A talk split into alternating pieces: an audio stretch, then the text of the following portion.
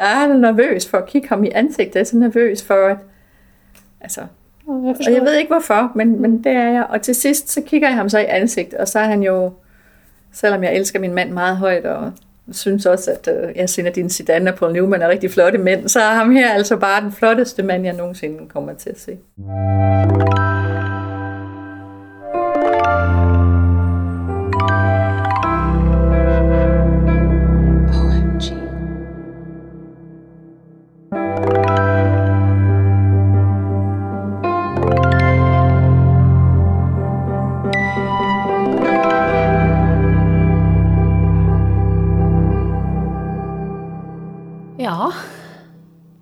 Vi åkte till Danmark. det gjorde vi. For å møte.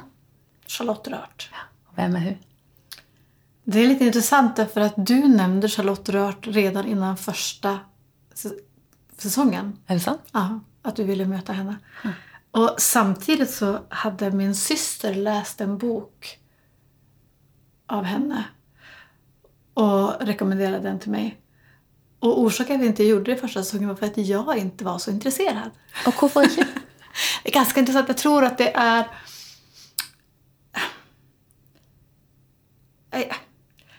Hon har ju haft eh, upplevelser av Jesusmöten. Och det är ju alltså inom vår egen tradition.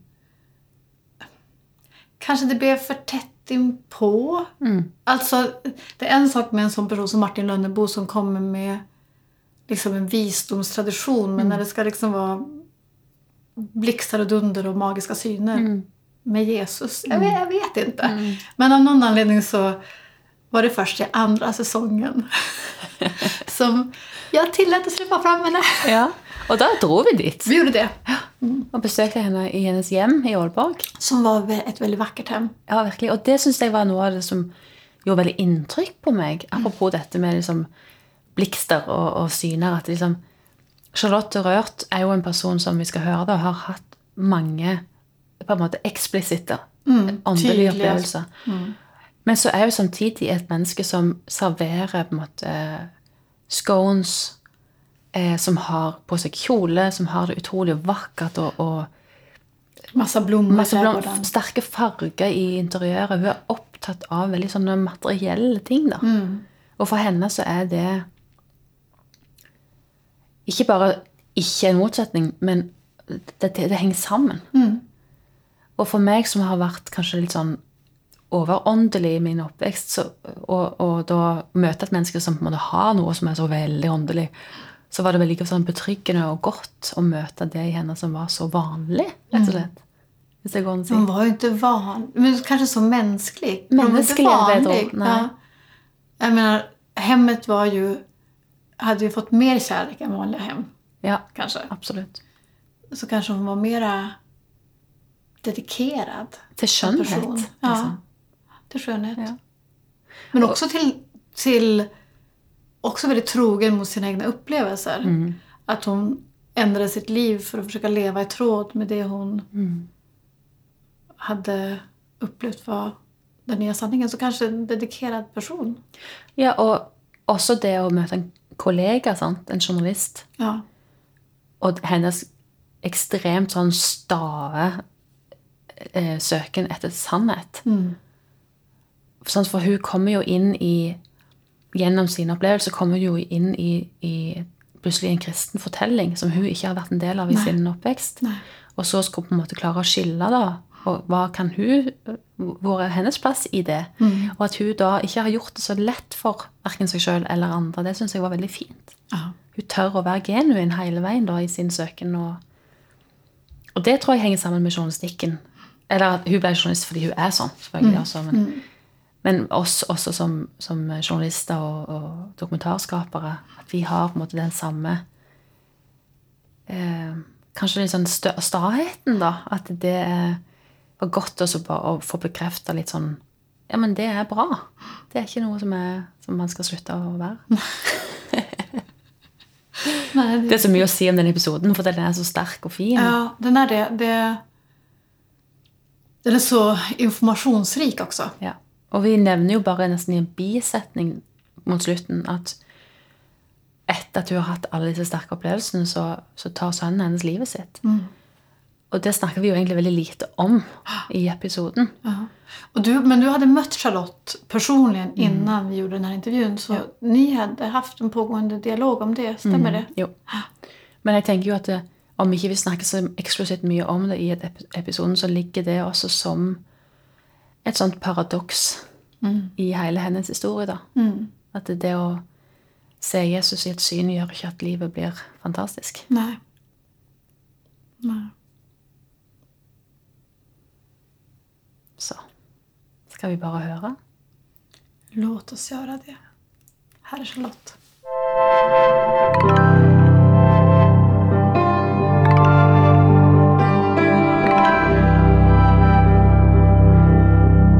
Før jeg havde mine oplevelser, der var mit liv jo normalt. Det er det jo sådan set stadigvæk. Men det var et øh, meget klassisk, sekulært liv. Jeg er, var det, som man i Danmark kalder kulturkristen. Mm. Jeg var medlem af Folkekirken, øh, og øh, synes, at de værdier, der ligger i den protestantiske tro, er gode. Det har jeg altid syntes. Altså selve værdisættet. Men jeg har aldrig nogensinde haft en åndelig længsel. Jeg har ikke øh, opsøgt noget åndeligt. Jeg har ikke været nysgerrig på det. Mm. Øh, jeg har ikke, øh, jeg, eller rettere, jeg ved jo, at rigtig mange har det, og mærker den her drift inde i sig, den her ja, længsel, behov af tro, og det har jeg ikke haft. Jeg har været rigtig tilpas med at have et praktisk liv. Jeg har altid arbejdet som journalist, det er det, jeg er uddannet som. Så det vil sige, at jeg har jo fået styrket mine, mine evner til at være nysgerrig, og mine evner til at søge viden, og også hele tiden at holde mig vågen. Ikke? Altså hele tiden holde mig overvågen efter, hvad foregår der ude i samfundet, hvad foregår der i mig. Øh, hele tiden at tale med folk, hele tiden at reflektere, hele tiden at være i dialog. Og det er også den måde, jeg er opdraget på. Jeg er opdraget i et akademisk hjem øh, med, med mange diskussioner, og også politiske, og ude på altså ikke ude på den yderste venstrefløj, men, men sådan en venstrefløjs akademiker hjem i Storkøbenhavn. Mm. Jeg har en masse søskende, som jeg har taget mig af som teenager, så, og jeg er den ældste, så jeg er også sådan en, der er den sidste, der går ud af døren og lige holder øje med, at det hele er i orden. Jeg er sådan et overbliksmenneske, jeg skal gerne have styr på tingene. Det er ligesom været mig, der har været den sidste, ikke? Så, så det har mig, der har været den praktiske på den måde. Og så havde jeg på det tidspunkt tre drenge og en mand, og vi boede på en, et nedlagt landbrug, en bondegård, ude ved Rold Skov, som er noget af det fineste natur, der findes i Danmark. Et lille hvidkalket husmandssted boede vi på. Der var ikke noget i mit liv, som var forkert. Jeg var ikke i krise, jeg var ikke urolig. Jeg har altid været småstresset, og det er fordi, jeg altid stiller større krav til mig selv, end jeg kan honorere, og det er fuldstændig lige meget. Jeg flytter bare de der krav hele tiden, alt efter hvad jeg bliver bedre til. Jeg havde et godt arbejde, mine børn trives i det store hele, og det gjorde mit ægteskab også. Jeg var 46, da det begyndte, og det var, altså man kan sige, det er et tidspunkt i livet, hvor øh, der er mere plads til mig. Mm. Så selvfølgelig var jeg inde i en periode, hvor jeg måske tænkte mig lidt mere om, ikke? Men langt de fleste, ved jeg jo nu, får spirituelle oplevelser, når de på en eller anden måde er i krise, eller et brud, eller noget, eller en overgang. Og det var jeg ikke rigtigt. Og rigtig mange får dem også som trøst, mm. øh, og hvor de direkte kan se, det hjalp mig. Mm. Øhm, men det var der ikke noget af her. Øh, jeg øh, havde skrevet nogle artikler om danskernes tro. Fordi der i 2008, hvor det begyndte på mig, for mig, der var der ved at være lidt mere samtale om tro i Danmark. Meget, meget, meget, meget lidt. Men jeg lavede øh, en undersøgelse om at danskerne de troede, sammen med Aalborg Universitet, at danskerne de tror, men de tror på meget forskelligt. Altså de er medlem af Folkekirken, men de tror på noget andet også, og de blander ligesom selv deres tro. Og så det blev hed et projekt, som jeg kaldte Tro à la carte, altså hvor man ligesom selv plukker. Og det fik mig selvfølgelig til intellektuelt at overveje, hvad er min tro? Men der var ikke noget i det proces, som ramte mig indeni. I hvert fald ikke noget, jeg observerede. Altså det kan jeg jo ikke Nej. vide vel. Nej, altså, nej, nej, nej. Fordi det er selvfølgelig påfaldende, at mm. det hele begynder lige efter, at jeg i nogle måneder har arbejdet med det, har interviewet præster, interviewet unge, der går til konfirmationsforberedelser, interviewet ja. dåbsforældre, og jeg sidder der, og så interviewede jeg også dronningen, øh, dronning Margrethe, øh, dronning Margrethe, og jeg ved ikke, hvordan det er i dag i Norge, men og i Sverige. Øh, men i Danmark, der skal dronningen, altså, og tronarvingen være medlemmer af Folkekirken. Ja. Det er de mm. eneste, som, det, de har ikke religionsfrihed. Mm. Så derfor var det jo naturligt at interviewe dronningen, og, øh, og det, det sagde hun ja til, så det var fantastisk. Men hun sagde to ting, som har fulgt mig siden. Det ene er, at hun fortalte, at da, da kong Frederik var død, og hun skulle udråbes til dronning, der er hun ung, hun har to små børn, og hun var meget knyttet til sin far. Det er januar 72, og hun står på balkongen på Christiansborg. Det der, der blev udråbt til dronning, det er vores parlament, eller det er mm. Folketing, der bor der der følte hun i de dage, at hun var omsluttet af noget, der var større end hende selv. Mm. Altså hun var, der var noget, der omsluttede hende. Det er sådan et meget fysisk verbum, mm. ikke? Mm. Og hun kunne ikke definere, hvad det var, men det var helt klart noget, der hjalp hende. Mm. Og så gik der nogle år, og så besluttede hun, at hun ville vide mere om troen, og nedsatte en studiekreds med teologiprofessorer og studerede og studerede. Og da hun havde gjort det, så konkluderede hun, at, at tro ikke behøver at betyde, at man skal skrue sit hoved af og sætte det op på en hylde. Altså, at man kan være troende og intellektuel på samme tid, at man ikke behøver at være dum, fordi man er troende. Og det er jo ellers en debat, som fortfarande er mm. i alle vores lande. Men de to spor har egentlig fulgt mig lige siden, mm. altså at, øh, at oplevelser, det har man. Mm. Det har man bare. Men när du, det... när du, började unders när du började intervjua de här, hade, då hade du kanske ett intresse för andra människors tro ändå? Ja, men på journalistisk sätt. Mm.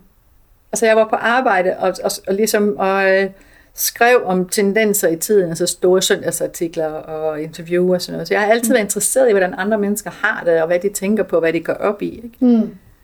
Øhm, så det var ikke fordi, jeg var særlig interesseret i tro som sådan, det, for det var jeg ikke. Og, og, og det, det er gode artikler bestemt, men, men det er også tydeligt, at jeg, har ikke, jeg går ikke ind i selve det at tro. Altså jeg går ikke ind i, i det, som tro er for mig nu, hvor, hvor jeg definerer tro som en vidshed om, at man er elsket af Gud. Mm. Og det er jo noget andet end at gå ind og tale om protestantisme og katolicisme og alt sådan noget. Tendenser. Det, det, det, det, det er ligesom det ene er meget intellektuelt, og det andet ligger et andet sted. Mm. Men skal vi da gå videre? Ja. Skal vi og slett få høre hvad som skjedde? Ja, fordi det var lidt absurd. Øh, jeg tog egentlig til Spanien for at skrive om olivenolie, øhm, sådan en rejseartikel. Og dernede sker to ting. Dels så er der en dame, der kommer hen til mig i en kirke og siger, at jeg er udvalgt. Ja, sådan havde jeg det også. Hmm. og øh, det forstod jeg ingenting af. Og hun sagde, at, at, øh, at jeg skulle blive som de piger oppe i San Sebastian de Garabandal, en landsby op nordpå, som jeg heller ikke kendte, som havde set Jomfru Maria, og det forstod jeg slet ikke noget af. Og øh, hun forsvandt igen, og jeg ved ikke, hvad hun hedder, og jeg har ikke talt med hende siden. Det var meget mærkeligt. Meget rart. Øh, derefter er jeg over i en øh, anden kirke i en by, der hedder Ubeda, hvor vi som vi en gruppe af journalister er afsted. Vi skal se, vi skal ligesom have noget pynt på vores artikler, så det ikke kun handler om olie. Mm. Og der sker der det, at, øh, at jeg bliver lam. at jeg bliver paralyseret. Jeg står i, i gruppen øh, og lytter til guiden, der fortæller, og pludselig kan jeg mærke, at jeg bliver varm indeni. Og jeg kan mærke, at jeg ikke kan bevæge mig. Jeg kan ikke bevæge mine fingre, jeg kan ikke bevæge mine fødder, jeg bliver tung. Øh, og jeg har ligesom bly indeni. Men mm. jeg er så glad. Mm. det er tåbeligt. For jeg vidste jo med mit hoved, at jeg havde fået en hjerneblødning. Altså jeg vidste jo, der måtte være noget virkelig galt. Mm. Altså, og sådan en læge, der som mig, jeg tænker jo straks i et eller andet mm. kropsligt. Mm. Og, men jeg var bare så glad. Det, det, var helt ulogisk. Ja. Og jeg følte, at det her, det var mit sted. Her var jeg tilpas. Her hørte jeg til. Mm havde en oplevelse af, at det er det bedste sted, jeg nogensinde har været. Mm. Det er bare min plet. Mm. Og jeg kan heller ikke flytte mig, så da alle de andre går, der bliver jeg stående. Og så kommer guiden tilbage efter mig, og jeg står bare, jeg tror, jeg står og smiler. Jeg sådan, sådan. Og så kommer guiden tilbage efter mig, for vi skal jo videre, og så stopper han i døren. Og, øh, og så stiger han på mig, og så siger han, og gør sådan en bevægelse med armen, sådan ligesom lave en kuppel rundt om mig, og så siger han, hvorfor er der sådan et lys omkring dig? Og øh, jeg kan ikke se noget lys, men jeg, jeg spørger jo ham, hvorfor kan jeg ikke bevæge mig?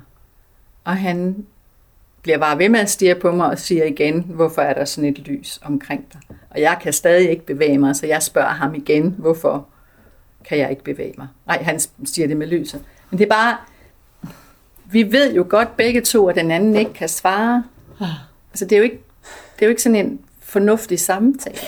altså, men, men, øh, men den, han kommer så hen og tager mig om skulderen, og vi går. Og den scene... Da får du til at gå? Ja, så kan jeg gå. Ah, okay. Og så skal vi videre, og der sker en hel masse, og det er en arbejdsdag, og vi skal ud, det er det ene sted og det andet sted og sådan noget. Og så om aftenen sidder vi og taler sammen, og det, den samtale, vi har der, det lidt ligesom det, dronningen siger, den, den lægger et spor for hele resten af min måde at leve med oplevelserne på. Fordi vi taler sammen i en, i en nænsom og varesom tone. Øh, vi ved ingenting om det her. Han er heller ikke spirituelt opdraget. Andrea Pezzini hedder, han er italiener og er opdraget i katolsk familie i Norditalien. Men han er ikke spirituelt opdraget og har vendt ryggen til kirken, da han var 18 og flyttede til Paris. Altså, så der er ikke, vi ved ikke, hvad vi taler om, og vi har ingen ord for det, øh, og vi ved bare, at vi har oplevet noget, som har berørt os begge to utrolig meget. Så den samtale, vi har der, er også respektfuld og meget omsorgsfuld. Og det er den tone, som, som jeg simpelthen har taget med. Og der tænker jeg, at øh, uden at vi vidste det, så, så gjorde vi noget utroligt godt for vores fremtidige liv ved at være så, øh, så ordentlige ved hinanden, som vi var der. Mm. Og vi kendte jo ikke hinanden. Mm. Vi havde ikke mødtes før, øh, vi var på arbejde begge to, altså, men vi valgte der øh, at, at, at have den her gode samtale. Og det er jo egentlig det, der ligger nedenunder alle de bøger, jeg har skrevet, og nedenunder alle mine foredrag, det er den gode samtale om det her, den, den frie, omsorgsfulde, nænsomme, kærlige, åbne, respektfulde samtale. Mm. Og den begyndte der. Mm. Men så pratade ni då om upplevelsen? Ja, mm. det gjorde vi. Mm. Øh, og vi, vi fik jo ikke noget at svare. Ja. Vi kunne jo ikke svare. Og det er jo også en oplevelse, som ikke fortæller ret meget.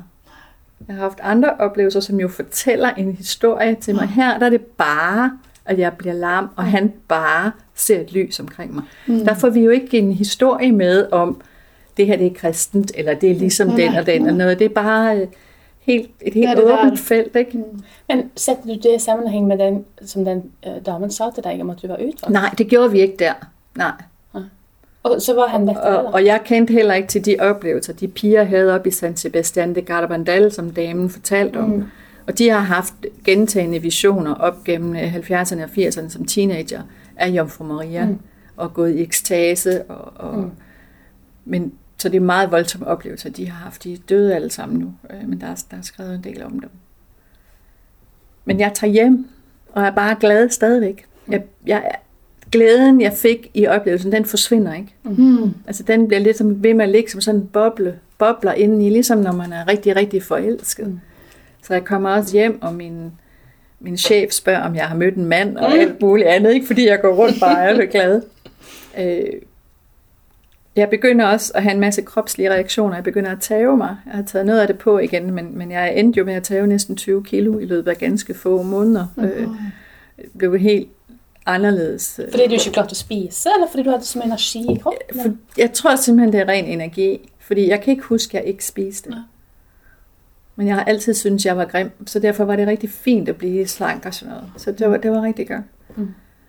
Og, øh, og så bliver de, så, så øh, jeg har kun, der har jeg været hjemme en uges tid, så, øh, så sker der det, som jo for mig er det mest voldsomme, men, men som er svært at formidle uden at, øh, ja, hvad skal man sige, uden at det bliver prætentiøst. Altså fordi det er en oplevelse, som er man til Paulus' oplevelse. Og, og øh, selvom jeg ikke er opdraget med at gå i kirke, og ikke er opdraget med at læse Bibelen, så er jeg jo et, det, der hedder et dannet menneske. Mm. Så jeg har jo, kan jo en del bibelhistorie, og en del historier fra Bibelen, så selvfølgelig kender jeg til Paulus' oplevelse. Men den, det er den, der sker for mig en decembermorgen ude bag ved vores lille gård, nede i, lidt længere nede i Jylland. Og der er jeg bare ude at gå med min hund om munden, og det, det er jo mørkt decembermorgen. Og så kigger jeg op, og jeg ved ikke, om jeg kigger op, fordi jeg hører noget eller ser noget, men der øh, kommer så en lysstråle ned og rammer mig i panden, og går ind igennem mig og går ud og da den så er eller jeg ved ikke, om den går ud, men da, jeg, da den er ved lænden, så besvimer jeg ned på marken. Mm. Og der ligger lidt sne, og der er lidt stube, øh, og så er der jo selvfølgelig mudder. Altså. Og så da jeg vågner der, der er der ikke gået så lang tid, for jeg er ikke blevet kold. Og hunden er meget urolig. Og jeg vågner, og der, øh, der ved jeg, og jeg kan jo ikke forklare hvorfor, men jeg ved, at det var Guds lys, der ramte mig. Og jeg ved, at jeg er set af Gud og elsket af ham. Og det ved jeg bare. Og jeg kan ikke, øh, jeg kan ikke fjerne den viden igen. Øh, jeg har ikke bestemt, hvordan den er kommet ind i mig, eller at den er kommet ind i mig. Og jeg kan heller ikke, det kan godt være, at den ryger væk en gang, men jeg kan ikke selv bestemme det.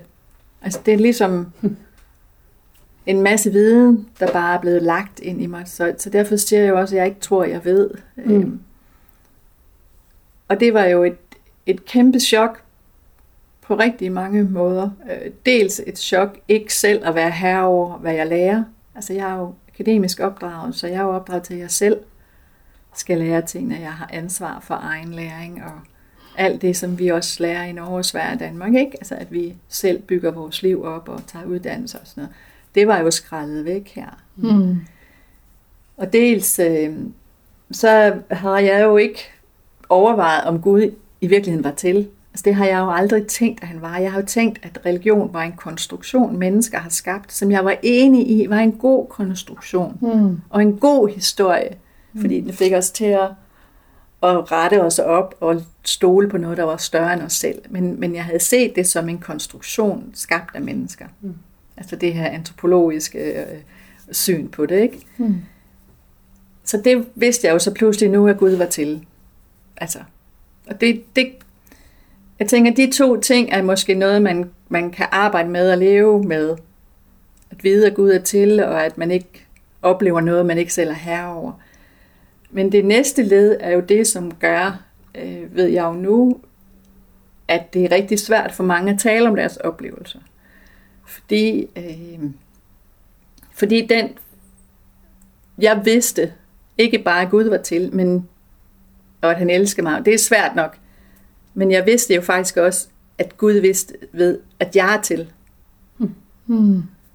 Det, altså, det, det var rigtig vigtigt at skille det ad, ikke? Fordi en ting er, at jeg ved, at Gud er til, men at Gud ved, at jeg er til. At han personlig kontakt på en måde. Ja, fordi han sendte jo det her lys ned i hovedet af mig. Og det er jo det, der sker med oplevelser, det er, at vi jo, sådan som jeg ser det, at vi får en kontakt fra det guddommelige til os. Mm.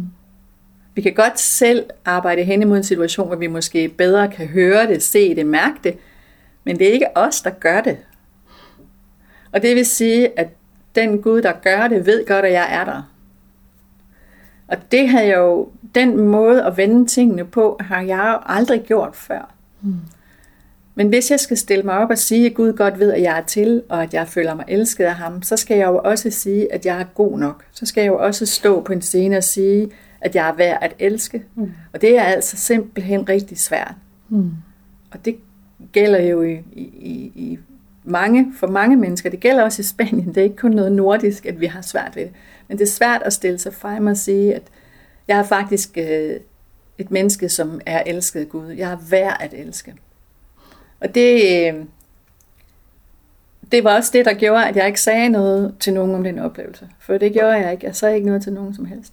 Hmm. Ingen? Nej, jeg rejste mig bare op og gik hjem og, og lagde hunden i kurven og kørte på, altså skiftede tøj. Mm. og, øh, og kørte på arbejde. Og jeg er også rigtig glad for, at jeg ikke sagde noget til nogen der. Også fordi, altså hvis jeg nu sagde det, så vil oplevelsen jo få den størrelse, som den har. Altså, som jo er noget, der står om i Bibelen, som jeg jo indtil da har set. Det var noget, der skete én gang for et menneske for 2000 år siden. Men så kom jeg pludselig ind i en fortælling, som er så utrolig stor. Øh, og som jeg så også ville blive nødt til at anerkende.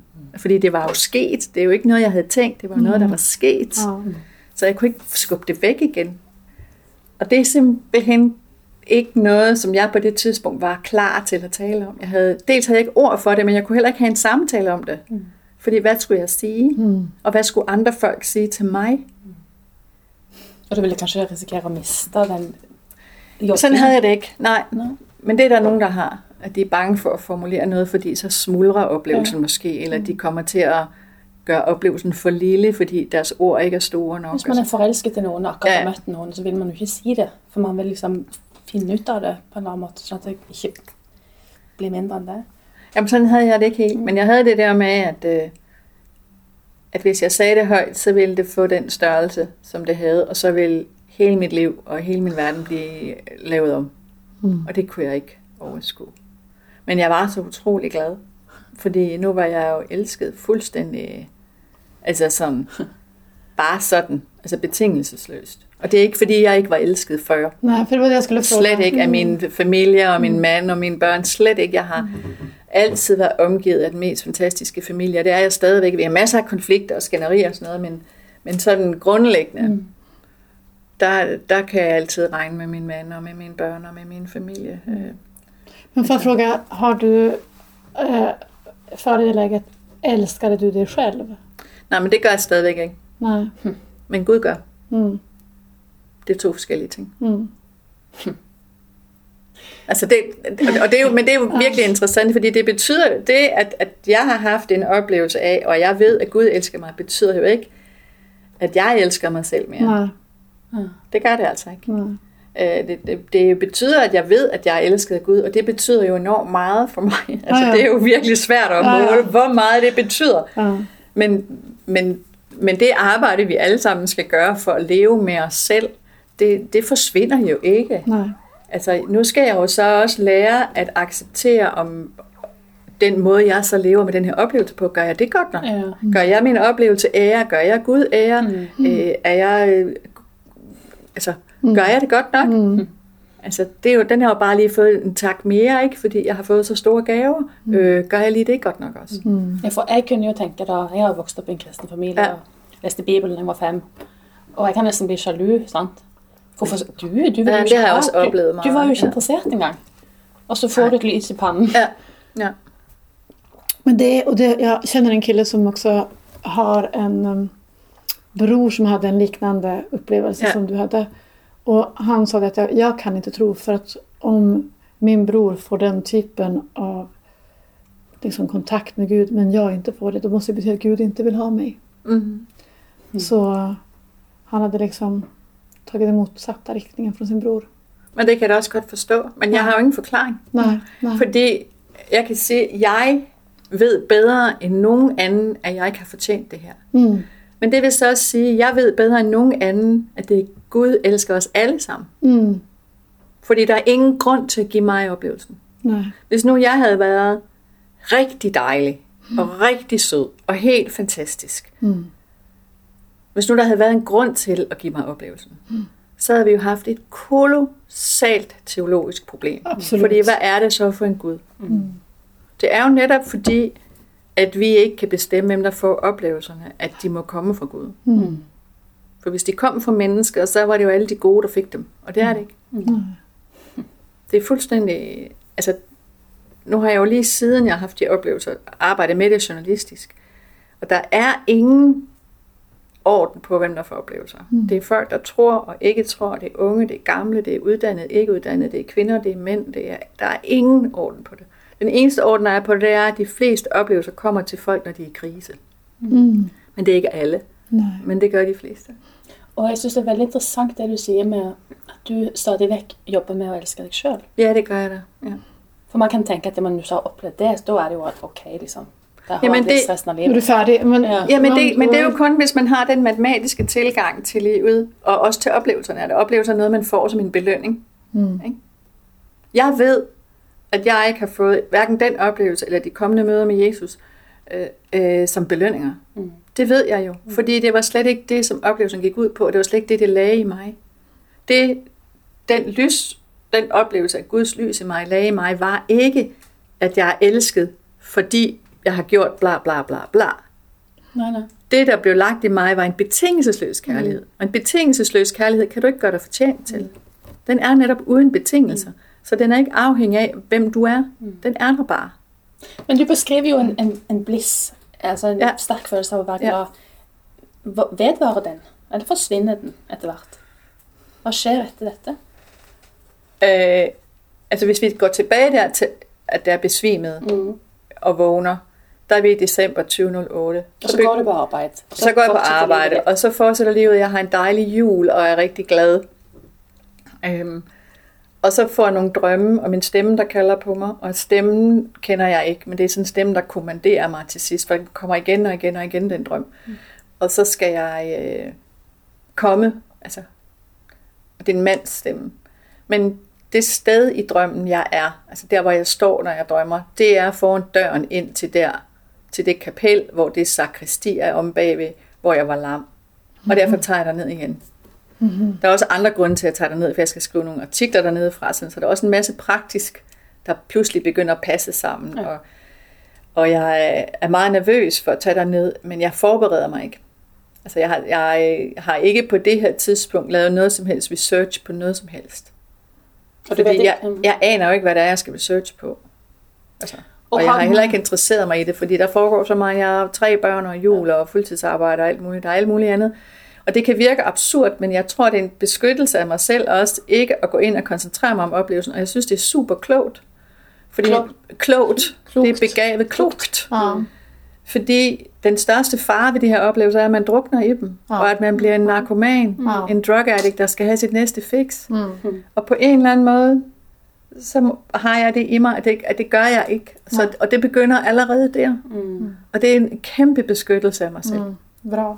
Så derfor kan det også være godt nok ikke at sige det, fordi man ligesom holder det, Mm. altså pakker det ind, kapsler det ind på en måde, så man ikke, så det ikke fylder det hele. Og har du på det tidspunkt forståelsen av at den guden du har møtt, hva slags gud det er? Om det er den kristne guden, om det er den muslimske, eller om det er Altså jeg har aldrig været i tvivl om, at det var en kristen Gud, men det, men det har egentlig ikke, det har noget at gøre med, at jeg er, jeg er meget rundet af den kultur, jeg bor i. Jeg er meget der, hvor jeg er. Altså jeg er simpelthen, og det kan jeg jo mærke ligegyldigt, hvor jeg kommer hen. Jeg er simpelthen så nordisk. Altså, det, det er helt vildt. Mm. Altså, jeg tænker, hvis jeg får lavet sådan en DNA-analyse, så er der, der er noget norsk og svensk, men der er ikke noget eksotisk. Og det, at jeg også vælger øh, at være i, i den danske folkekirke, er også i højere grad et kulturelt og historisk valg, end det er et teologisk valg. Mm. Fordi det er den form, kristendommen har der, hvor jeg er. Ja. Altså. Og jeg er jo ikke kommet ind i troen af intellektuel, matematisk vej, så at sige, hvor jeg sidder og laver plusser og minuser og ved, om jeg tror det ene eller det andet. Det er jeg jo ikke. Jeg sidder jo ikke og laver et puslespil. Hvad tror jeg? Nej, jeg ved, at Gud elsker mig. Okay, jeg er født i Danmark. Det er her, jeg er. Øh, hvor går jeg hen med den kærlighed i et fællesskab? Mm. Ja. Men det får jeg ikke at vide i oplevelsen. Jeg får ikke, der er ikke noget afsender. Der, der er ikke noget afsender på oplevelsen. Nej, Nej. Og det er jo det, der er anderledes ved oplevelser, den vej ind i troen. Ja. Der får du ikke hele strukturen med. Den skal du vælge med dit hoved bagefter. Mm. I hvert fald den form for oplevelse, jeg har haft. Fordi da jeg så kommer der ned til Spanien anden gang, Mm. eller til Ube, der er anden gang, jeg har været i Spanien mange gange, men der, er- det er jo februar, og der går jeg så ind, jeg gør ingenting andet, jeg går ind og sætter mig på en bænk og lukker øjnene.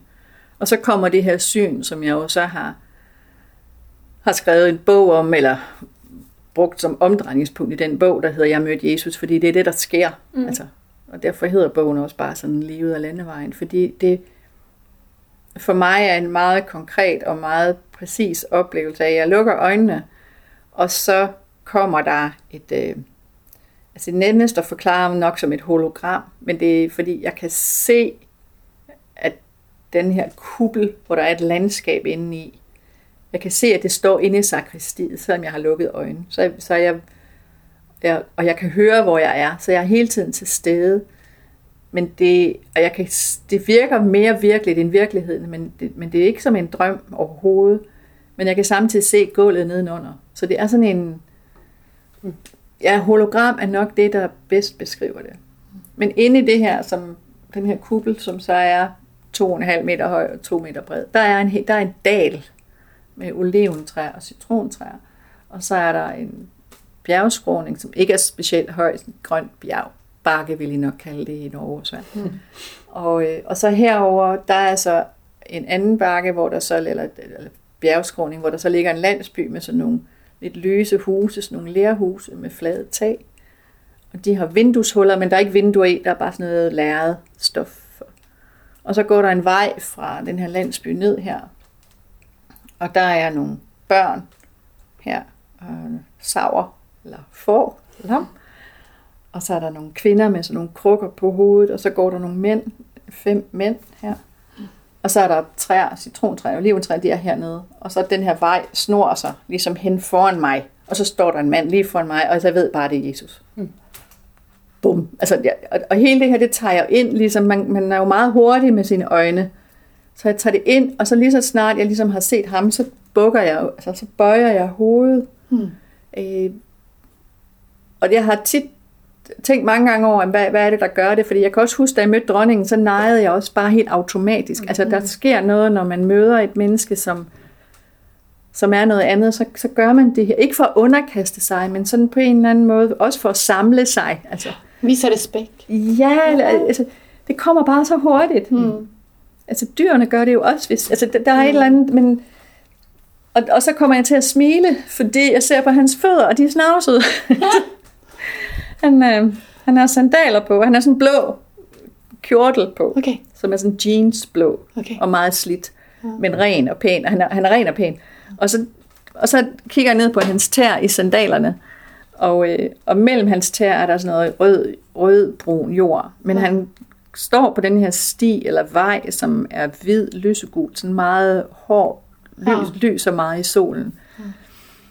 Og det synes jeg er lidt lidt morsomt, at, at han er snavset mellem tæerne. Altså, Når altså, først skal møde Jesus. Altså, lige præcis, så er han snavset mellem tæerne. Ikke? Men så kigger jeg videre, og så kigger jeg op af hans ben, og de er, der er en sådan meget afbladet hår på, og det synes jeg er, er fint, fordi det har mine sønner også. Altså, når de har været i solen, så bliver deres hår helt hvide. Ikke? Ja. Og så har han den her blå kjortel på, som er ren og pæn, øh, men slidt, den er bleget herop, så den har stribet på skulderen. Og så, øh, så jeg kigger, og så kigger jeg rundt i landskabet og, og studerer og jeg studerer, og kigger og kigger, og kigger rundt, fordi jeg er nervøs for at kigge ham i ansigtet. Jeg er så nervøs for, at altså, og jeg ved ikke hvorfor, men, men det er jeg. Og til sidst, så kigger jeg ham så i ansigtet, og så er han jo, selvom jeg elsker min mand meget højt, og synes også, at øh, jeg sender din Zidane og Paul Newman er rigtig flotte mænd, så er ham her altså bare den flotteste mand, jeg nogensinde kommer til at se. Han er simpelthen så flot. Han, ligner det billede af Jesus, som vi jo har i vores kultur, ikke? som er, nu Bertel Thorvaldsen, den danske billedhugger, har jo lavet en, en stor statue i Domkirken i København, og det er sådan ud fra det her billede også, vi har af Jesus, som er den, man kalder den nordiske Jesus, eller den græske Jesus. Ikke? Mm. Høj og rank og sådan... Blå øjne og... Ja, ja, hans øjne var, var blå og grønne og grå. Men hans hår var sådan ned til skuldrene og lidt bølget og ikke helt mørkt. Ja. Var sådan lidt gyldent og lidt solbleget. Ikke? Og så er, han, så er han brun på den måde, som vi bliver brune på om sommeren. Så han er ikke mørk i huden, vel? Ja. Altså. Ja.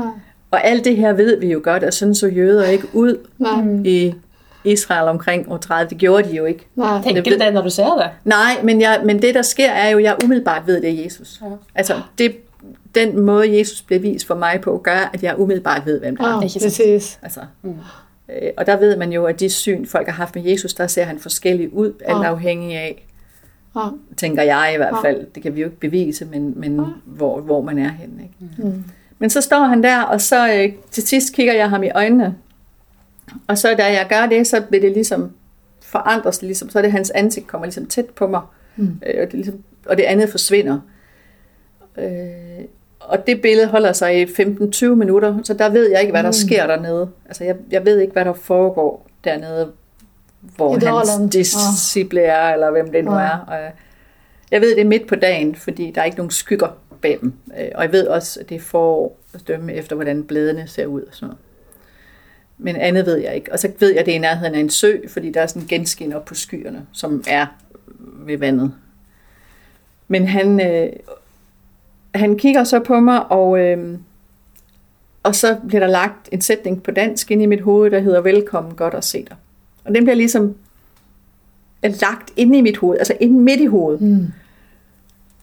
Og så øh, kigger han sådan op, kigger sådan op i sin egen pande, og så kommer der herop sådan en masse små videoklip af mit liv. Ligesom ens liv passerer revy, som man jo også hører fra nærdødsoplevelser. Ikke? Og, der, og der er både gode og dårlige oplevelser. Eller gode og dårlige scener. Øh. Og så øh, åbner han munden og begynder at tale.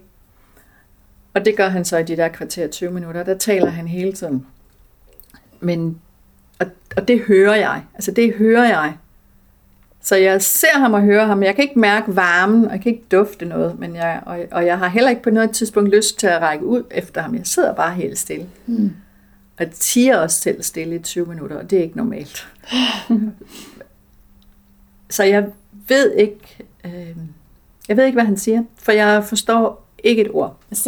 Opplever du at han snakker til deg? Ja, han snakker til mig, og vi har øjenkontakt hele tiden. Men på hvilket språk? Det ved jeg ikke. Arameiska? Jeg tror, at det er olamæisk, fordi jeg hører nogle optagelser af forskellige sprog nogle dage efter. Mm. Øh, og der synes jeg, det minder om det. Man, man ved jo ikke præcis, hvordan det har lyttet, men, men man mener, at noget af det aramæiske, de taler et sted i Syrien, kan, kan mindes om olamæisk. Og jeg synes, det lyder som det. Mm. Og det passer jo også med, at der slet ikke er nogen ord, jeg kan trække ud. Altså, der, jeg, man, jeg, man kan jo lidt arabisk ord, ikke? og man kan i hvert fald alle latinske og germanske, man kan sagtens finde, mm. men der er ikke et eneste ord, jeg sådan kan, kan tage med mig. Så, så, så det, jeg tager med mig, det er jo den stemning, der var i det. Og den passer til hans blik, og passer til hans tøj, og passer til, til hans stemmeføring. Mm. Og det er en stemning af, af dagligdag, af menneske til menneske. Det er som om, at det er selve det, at vi bare mødes, der er i fokus. Altså, der er ikke noget, han skal overlevere til mig. Der er ikke noget viden, jeg skal have. Der er ikke nogen sætninger, jeg skal tage med mig. Øh, Der er ikke nogen bedømmelse af mig heller. Altså, det er ikke sådan, så han på nogen som helst måde får kommunikeret, at jeg er god til det og dårlig til det. Han får heller ikke på nogen som helst måde vist, at det er mig, han ser på. Han ser på mig hele tiden. Mm. Og han kender jo alt til mig. Mm. Også. Men, men han ser ikke på mig som Charlotte. Altså han, han ser ikke, bedømmer mig ikke som den kvinde øh, fra Danmark med den uddannelse og de børn og de ting, jeg har gjort. Det gør han ikke. Han ser bare, hov, der er et menneske, og det er godt, at det menneske er der. Altså det er det, han får skubbet mig tilbage til. Når han har vist mig, han ved, hvem jeg er, så går han ligesom, skubber han mig ind i, jamen du er et menneske, og det er godt, at du er til. Mm. Og det er utrolig svært at formulere til andre, og det er utrolig svært at forstå med sit hoved, at, at jeg kan mærke, at han ikke er optaget af at fortælle mig, at jeg er dejlig, fordi jeg er den, jeg er, men fordi jeg er menneske. Det er Mm. derfor, han Mm. elsker mig. Mm. Fordi hans blik er så fyldt med kærlighed, at jeg vælger at skrive, at det er fyldt, at det er velkommende og fyldt med venlighed. Mm. Fordi han viser, at, at han elsker mig, selvom han ikke tager stilling til mig. Det, altså det, det er virkelig svært at forklare. Jeg prøver også i mine bøger, men det er meget svært. Men på en eller anden måde, så er det, hvis man forestiller sig, at man står foran et menneske og siger, jeg elsker dig. Og så laver man et punktum. Mm. Altså, så man, så man stopper sine tanker og sine ord efter det der ord, jeg Mm. elsker dig. Mm. Så man begynder ikke at forklare, hvorfor. Nej. For det er bare en konstatering af, at det er sådan, det er. Jag tänker att det är, vi har ju alla fält där vi är extra öppna, men för mig till exempel när, jag, när mina barn var yngre och jag lämnade Ja. dem på barnhage. Ja, Så när det kommer fram en hel grupp med barn Ja. till mig och ställer sig runt omkring och frågar ja. någonting. Alltså de där fem små pojkarna som står där. så älskar jag dem var och en där och då som barn. Som, alltså, som människor. Så jag tror jag kan relatera lite grann till upplevelsen. Eller det du försöker beskriva. ja. Og det er jo, hvis man skal prøve å reflektere rundt det du sier, da, så det er jo en frigjørende tanke at Gud er glad i meg helt ubetinget. Ja. Ja. Og samtidig så skulle jeg jo ønske at han er glad i meg fordi jeg er meg. Det kanske han också gör. Jamen, det er jo ikke... Altså, jeg synes, friheden var, at han var glad for, at jeg var til, bare fordi jeg var til. Mm. Jeg synes, friheden ved at mærke den kærlighed ligger, ligger i, at den bliver givet til alle. Mm. Det er meget, meget svært at forstå med, med vores hoveder. Også fordi vi er opdraget til, at vi skal gøre os fortjent til kærlighed. Vi er så hårdt opdraget til det. Det er helt vildt. Øh, og det er i virkeligheden helt i modstrid med, hvad der står i det nye testamente. Mm. Altså også alle, alle der, de fleste af dem, der er opdraget i kirke, er jo også opdraget til, at du bliver mere elsket af Gud, hvis du kommer i kirke. Det passer jo ikke. Nej. Det siger Gud jo ikke noget om. Øh, eller, og det står faktisk heller ikke noget sted i Bibelen, at du bliver mere elsket, hvis du kommer i kirke hver søndag kl. 10. Men den store frisættelse er jo, at vi elsker bare fordi, at vi er til. Altså, og det er alle andre også. Ja. Hvis det kun var mig, der var elsket, så var jeg jo elsket, fordi jeg på en eller anden måde har gjort mig fortjent til det. Mm. Så er den kærlighed jo ikke betingelsesløs. Nej. Så kan den jo forsvinde igen. Ikke? Altså så snart man gør forskel på folk, så kan jeg jo også blive den, der bliver vraget, blive den, der ikke er elsket. Og så elsker Gud pludselig ikke mennesker, eller mennesket. Så elsker Gud kun nogen. Og det er løgn, mener jeg. Altså. Ja, det är också som när man går i skogen och hittar en buske med hallon. Ja, Alltså det är inte så stor skillnad mellan att vara ett hallon och vara en människa. Det är fantastiskt med rikedomen ja. i varenda hallon. Ja. Och det är inte så att någon är bättre på att vara Nej. hallon än en annan. Eller? Altså, jeg vil gerne være et hindbær. det vil jeg gerne. Nå, men det er meget svært at forstå. Altså, det, det er virkelig svært at rumme det her, ikke? fordi det er så går imod alt det, som vi er opdraget til, også ubevidst. Og også i kirkerne. I hela västerländska kulturen Ja, egentligen. Mm. Det er vi. Mm. Altså, jeg er jo ikke bare i den vesterlandske, også i mange andre kulturer. Ja. Ikke? Men det er jo også derfor, at, at, at Jesus er så radikal. Det er jo derfor, det er så voldsomt med ham. ikke? Fordi han bryder jo med, med alt det der. Mm. Altså, og det er jo også, øh, det er også derfor, jeg kalder ham feminist, fordi feminist betyder jo, at, at man ønsker lige rettigheder og vilkår for alle mennesker, uanset køn. Mm. Det er så en anden måde at bruge ordet på, end mange andre gør. Ikke? Mm. Øh, og det, men det er den egentlige definition af det. Men det er jo vildt radikalt at tænke sådan, at man er elsket, uanset om man er om man har Down-syndrom, eller om man er fattig, eller om man er en 75-årig mand, eller om man sidder i fængsel, eller om man har 10 børn. Det er lige meget. Og det er jo, altså, det er rigtig, rigtig svært for os at, at forstå det. Og det er det, jeg, det er det, jeg møder mest, det er den her vantro overfor, kan det virkelig passe, at Gud elsker alle? Så det er i hvert fald det, jeg har lært. Det er i hvert fald det, jeg har erfaret i de oplevelser, jeg har haft. At det var ikke en kærlighed, der sådan set havde noget med mig at gøre. Altså, han mm. elsker mig, ligesom han elsker alle andre. Mm. Og det er det, der er frisættende. Hvis han kun elskede mig, fordi jeg var mig, så kunne jeg også miste den kærlighed igen. Ikke? Fordi hvis jeg nu, hvis jeg nu blev handicappet, hvad så? Vil han så elske mig mindre, hvis jeg mistede en arm? Eller hvis jeg nu kom i fængsel for et eller andet forbrydelse, jeg havde begået, vil han så holde op med at elske mig? Eller de årene som du har levd etter dette, hvis Ja. du skulle gjøre noe som var Hvis du skulle skjære Helt ut en mann, eller hvis du skulle altså. Ja, præcis. Eller om du skulle misslyckas med att berätta om det här för andra. Ja, hvis nu jeg ikke gør det godt nok. ja. ja precis. Ikke? Og, og der kan jeg jo sagtens bebrejde mig selv, men jeg, men jeg ved godt, at Gud ikke gør det. Otrolig befrielse. Mm. Ja, det er en enorm frisættelse. Mm. Men den er kun en frisættelse, fordi at den gælder alle. Mm. Og fordi man, man, man, er, man er sat ud af det her regnskab. Man skal ikke gøre sig fortjent til det.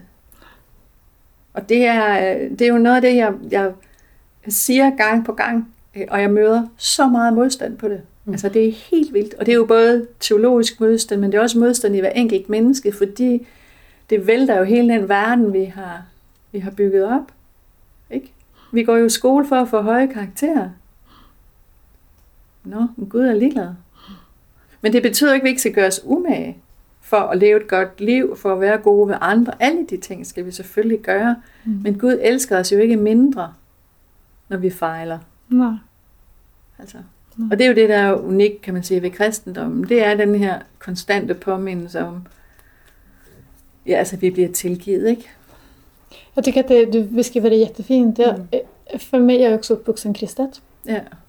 Och eh, tycker att det är den största gåvan jag har fått i Mm. livet av mina föräldrar.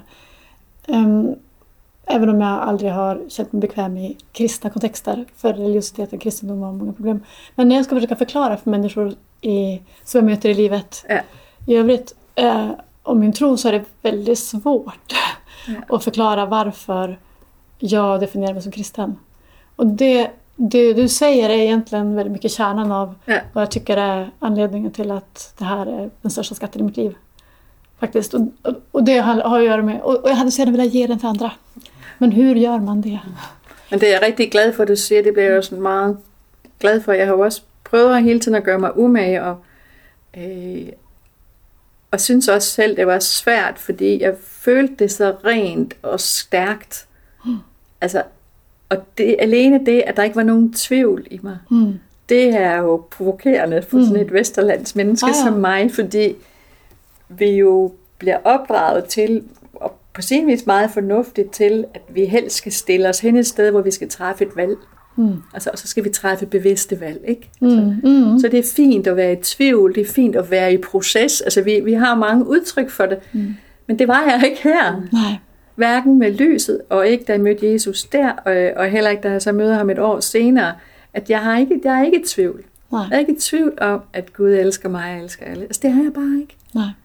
Og det er, det er svært for mit hoved at, at rumme noget, som er så absolut. Mm. Mm. Det er rigtig svært, for det har ligesom ikke redskaber til. Men han taler til mig der, det er 20 minutter, og det er jo klart, at jeg bliver jo ved med at arbejde med, hvad er det, det, hvad er det, det gør, hvad er det for tanker, altså hvorfor, hvorfor har han for eksempel ikke stimata, hvorfor har han ikke navlemærker øh, i det møde, jeg har med ham.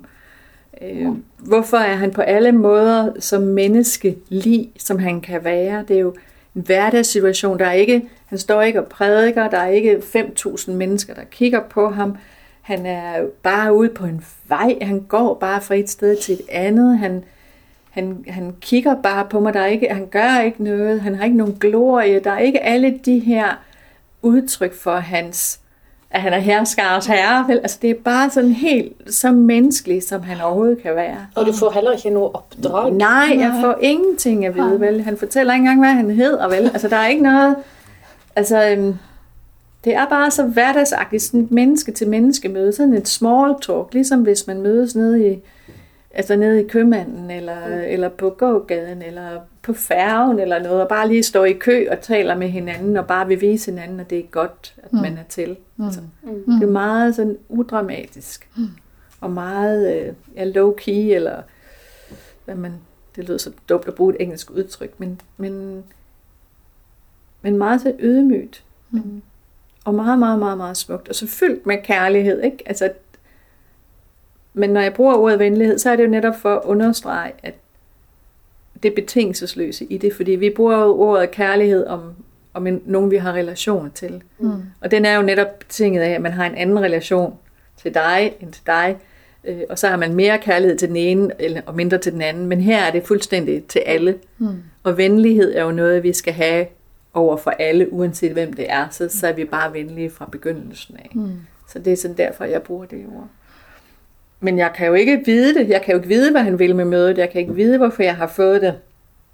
Øh, Jeg kan ikke vide, om jeg får det rigtige ud af det. Alt det her, det er nyt. Det, det må jeg jo bare arbejde med at være åben om, at det ved jeg ikke, men jeg tænker sådan, hvad tænker du? Jeg forestiller mig, øh, det giver anledning til. Altså, jeg kan jo ikke komme med nogle absolute sandheder på det her, andet end, end den, at jeg ved, at Gud er til, og at jeg ved, at Jesus er til.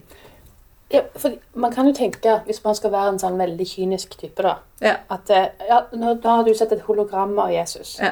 Og det er noe din syke som har produsert. Ja. Sant? Ja. Og så har du fått en emosjonell fø- liksom, erfaring Ja. av kjærlighet. Men Ja. det kan jo bare ha produs blitt produsert Ja. oppi her. Så hvordan går du fram etter det? Men altså, det kan man jo også sagtens sige, det er. Øh, og det kan man jo også sige om lysoplevelsen. At, at det er måske bare noget, at jeg har selv har fundet på. Men øh, At du er i å det- gå en psykose, kan man ja, for eksempel, ikke? Ja. Men, og der tænker jeg, der er jo mange grunde til, at det ikke er. Jeg ved, det ikke er sådan, men der er jo mange grunde til, at det ikke er sådan. Altså det, så skulle man jo have en intention om at ville det. Mm. Og det har jeg jo aldrig haft. Mm. Så man skal jo ligesom man skal begynde et sted, ikke? Øh, efter da, altså, da jeg kommer hjem ef- efter oplevelsen, der, øh, der begynder jeg ikke med det samme, sådan, hvad skal man sige, at kynisk at undersøge det, fordi jeg ved jo, det er sket. Mm. Så mit eget behov for at være kynisk, det har jeg ikke. Mm. Men, men jeg har jo som journalist har jeg jo det behov, fordi jeg vil jo gerne kommunikere min historie. På et tidspunkt vil jeg gerne kommunikere min historie. Mm. Og der er det, jeg så må sætte mig i, i de kyniske steder og sige, hvilke spørgsmål vil mine læsere stille, og hvilke spørgsmål skal jeg derfor søge svar på. Mm. Og der er det klart, at et af spørgsmålene er, jamen, er hun ikke bare skør? Øh, Er hun ikke bare tosset? Er hun ikke bare syg i hovedet?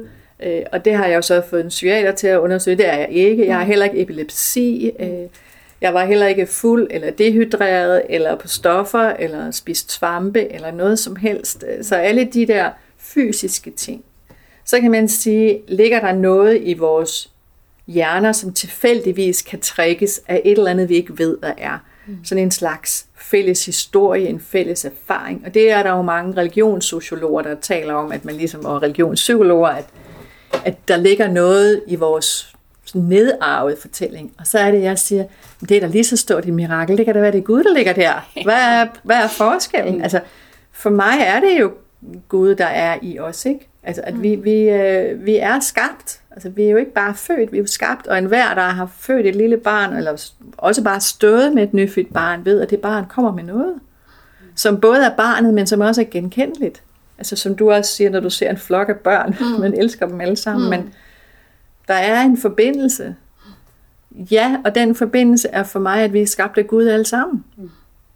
Det er sådan, jeg ser på det, men det kan godt være, hvis man hellere vil bruge nogle andre ord, jamen fred være med det, så lad dem da bruge de andre ord og kalde det en fælles erfaring, eller altså evolutionær hukommelse, mm. eller whatever. Mm. Altså lad dem da gøre det. Det generer ikke mig. Ja, for det som er virkelig interessant, er jo at du blir jo et annet menneske av dette. Nej, Nei. men jeg blev mere mig. Okay. Nej, jeg blev ikke et andet menneske. Ja. Altså, Jesus viste sig jo for mig, og Gud gav mig lyset, som den jeg var dengang. Mm. Så jeg har jo ikke fået det her for at blive til et andet menneske. Nej. Jeg har jo fået det her for at leve med det som det menneske, jeg er skabt som. Mm. Og jeg bliver ikke skabt som et andet menneske igen. Altså, jeg bliver ikke omskabt. Mm. Og derfor har jeg også lavet være at bruge det ord, der hedder omvende. Så jeg har ikke haft en omvendelse. Jeg har haft en udvidelse. Mm. Øh, og, og det er ikke fordi ordet omvendelse betyder jo egentlig, at man vender sig om mod Gud, det ved jeg godt. Men det almindelige brug af ordet som journalist, der vil det være, at man vender sig om. Altså det vil sige, at jeg skulle vende ryggen til den, jeg var før. Mm. Og kanskje ta et moralsk oppgjør, eller Nej, altså i hvert fald ja, være, være. være blive et andet menneske. Mm. Men det vil jo være illoyalt over for Gud, fordi jeg var jo Altså, det, han viste sig jo for mig. Det, men, det der, det ja, så det kan jeg jo ikke. Så jeg kan ikke, jeg kan ikke lave den bevægelse. Jeg kan ikke, og, og, og det mener jeg også er ekstremt vigtigt, når vi taler oplevelser, det er, at de bliver jo givet til os på et tidspunkt. Og vi kan aldrig vide præcis, hvorfor de bliver givet, men de bliver jo givet til os, som den vi er på det tidspunkt. Mm. Altså, det er jo der, vi får gaven. Og, og der... Så jeg... Min mellemste søn siger, at da jeg spurgte ham, så siger han, jamen, altså, at han synes, den bedste beskrivelse er, at jeg bare er blevet meget mere mig. Mm. Og fået mere stamina, altså holder mere, er mere samlet om mig selv. Det er ikke altid, det føles sådan selv. Øh, Men jeg bruger så ordet udvidelse. Jeg har fået udvidet både mig selv og min verden og min begrebsverden helt enormt. Altså jeg har fået en hel dimension mere, eller etage mere, eller mm. niveau mere, hvad du vil kalde det. Der kan man jo også bruge forskellige ord, alt afhængig af, hvem man er. Men jeg er ikke blevet en anden. Mm. Altså, jeg er kun den, jeg er skabt som. Mm. Og øh, jeg har jo haft det held, og det vidste jeg jo ikke, jeg havde, men at, at alle de mennesker, jeg har talt med de første mange år, de var gode ved mig. Mm. De var søde ved mig. Min mor, min mand, mine børn, øh, Andrea, guiden dernede, som jo også var der, da jeg havde mødet med Jesus, og som ja. mm. lyttede til mig, da jeg fortalte bagefter, hvordan min krop havde det, fordi min krop havde det jo, som om den var på, ja, nu har jeg ikke prøvet det, men på LSD eller et eller andet, ikke? fordi jeg kunne nærmest flyve, og jeg var gennemsigtig, og jeg kunne se igennem folk, og jeg så arver om folk, og jeg sagde til Andrea, du må ikke snakke med ham, han er ond, og han var helt sort, altså, sådan, og jeg havde det, som om jeg havde hul i ryggen, og jeg sidrede, og jeg havde øh, rigtig mange fysiske symptomer, som jeg ikke har beskrevet halvdelen eller tiendel af i bogen, fordi det vil simpelthen, det er stadigvæk for ubegribeligt for os, og det er et stykke af bogen, som jeg har fået rigtig mange reaktioner på. Også mange ubehagelige reaktioner, men også rigtig mange, som har genkendt det, mm. og så ikke turde tale om det. Mm. Jeg følte jo simpelthen, at jeg var så fyldt op af kærlighed, så jeg også følte mig forelsket, og en forelskelse kender man jo også godt. Mm. Der får man jo gelé i knæene, og mm. man får ondt i maven, og alle, men vi har jo fysiske reaktioner. Og dem havde jeg også i helt ekstrem grad. Og det havde jeg i et halvandet år, hvor jeg havde, jeg kunne næsten ikke gå i bad, fordi jeg var så følsom på huden, og mm. jeg øh, følte simpelthen også, at jeg var i bøn hele tiden. Ikke? Jeg havde sådan en, en sidren inde i, sådan en nærkontakt inde i. Hmm. Men da jeg kommer hjem, så begynder jeg jo, eller ikke begynder, det begynder måske allerede der i november, men, men der har jeg jo halvandet år med alle mulige oplevelser, hvor jeg får flere af de her lysoplevelser. Ikke så voldsomt, så jeg besvimer, men næsten, så jeg holder i perioder lade, lade være med at køre bil, for jeg er bange for at køre galt, hvad nu hvis det sker. Jeg har oplevelser, hvor der kommer sådan nogle stråler ud af mine fingre, så når jeg rører ved, ved en af mine drenge, så gør det ondt, det knitrer. Mm. Øh, og jeg kan se de der stråler, men han kan bare mærke dem, og de andre børn kan ikke mærke dem. Og, altså der er en hel masse forskellige oplevelses- eller fysiske symptomer. Men jeg oplever en, at blive favnet, jeg oplever at blive elsket af min familie, jeg oplever, at min mand støtter mig. Øh, han er ikke selv troende, heller ikke nu, men, men han siger, at når jeg er rigtig bange for, at mit hoved går i stykker, altså jeg er bange for at blive skør, mm. ikke? altså bange for at mm. blive tosset, for ikke fordi jeg synes, jeg er det, men fordi jeg simpelthen ikke synes, mit hoved kan rumme det. Altså det er ligesom, da jeg gik i gymnasiet og var glad for fysik og matematik, men kunne mærke, at jeg var nået til kanten af, hvad jeg kunne. Altså jeg kunne simpelthen ikke gå længere den vej. Altså det, det, den, det kunne mit hoved ikke. Nej. Altså, og det var det samme, jeg var bange for her, at mit hoved ville eksplodere. Jeg vil sove om natten? Øh, jeg sov ikke ret meget. Men jeg var ikke på noget tidspunkt bange. Og jeg var ikke på noget tidspunkt hvad skal man sige, øh, stresset på den dårlige måde, det her, de første måneder. Det var jeg ikke. Jeg var euforisk, men ikke, men jeg kunne holde mig selv. Mm. Og det skyldes min familie. Mm. Altså, og jeg holdt fast i min rytme og mit arbejde og bopæl og alt sådan noget. Jeg ville leve mit normale liv. Og det insisterede jeg på. Og jeg tror, at det har reddet mig meget mere, end jeg egentlig kan forestille mig. Mm. For man det kunne tænke, at hvis Gud giver nogen en sådan oplevelse, så må Gud have ansvarsfølelse nok til at vite, at det kan man håndtere. Men det er jo ikke alle, som kanskje håndterer Nej, sådan ting. Nej, det tror jeg ikke. Nej, men måske... Altså håndtere og håndtere, det er jo også os som mennesker, der måler, hvad er det at håndtere. Altså hvis, hvis, hvis, hvis vi skal have tillid til Gud, at, at, at, at, at de her oplevelser kommer øh, til dem, som han synes, de skal komme til, så kan det jo også være en værdi, at vi netop ser, at nogle mennesker er sådan og lever sådan med det, og nogle er sådan og lever mm. sådan med det. Ikke? Mm. Altså, vi, vi er ikke herre over det her. Mm. Øh, og det kan godt være, at, at vi ved jo, at mange, der har haft spirituelle oplevelser, de er blevet indlagt, at de er blevet anset for at være psykiatriske patienter mm. øh, på forskellige tidspunkter. Nogle er måske nogle af dem, der er blevet brændt på bålet som hekse. Vi, der er jo mange forskellige mm. Fortællinger om, hvordan folk er blevet forfulgt, når de har fortalt om deres åndelige oplevelser. Men det i sig selv fortæller jo også os som menneskehed noget om, hvordan vi er. Ikke? Mm. Øh, og det er, jo, det er jo rigtig barst, altså. Men, men vi er jo ikke... Altså, hvis vi kunne forstå, hvorfor Gud gør det, han gør, så ville han jo ikke være Gud. Altså, så ville, så ville, så ville vi jo være større end ham. Mm, ja, præcis. Og det er vi jo ikke. Og det er smadret provokerende. Det er virkelig svært for vores hoveder. Det. Altså, det er virkelig, virkelig svært at arbejde med oplevelser, ikke? Fordi de, de provokerer så meget, Fordi de ikke kan komme ind i de der systemer. Mm. Jeg har jo selv arbejdet med det og skrevet de her bøger om det, og laver podcast om det, ligesom I gør. Ikke? Og, sådan. Mm.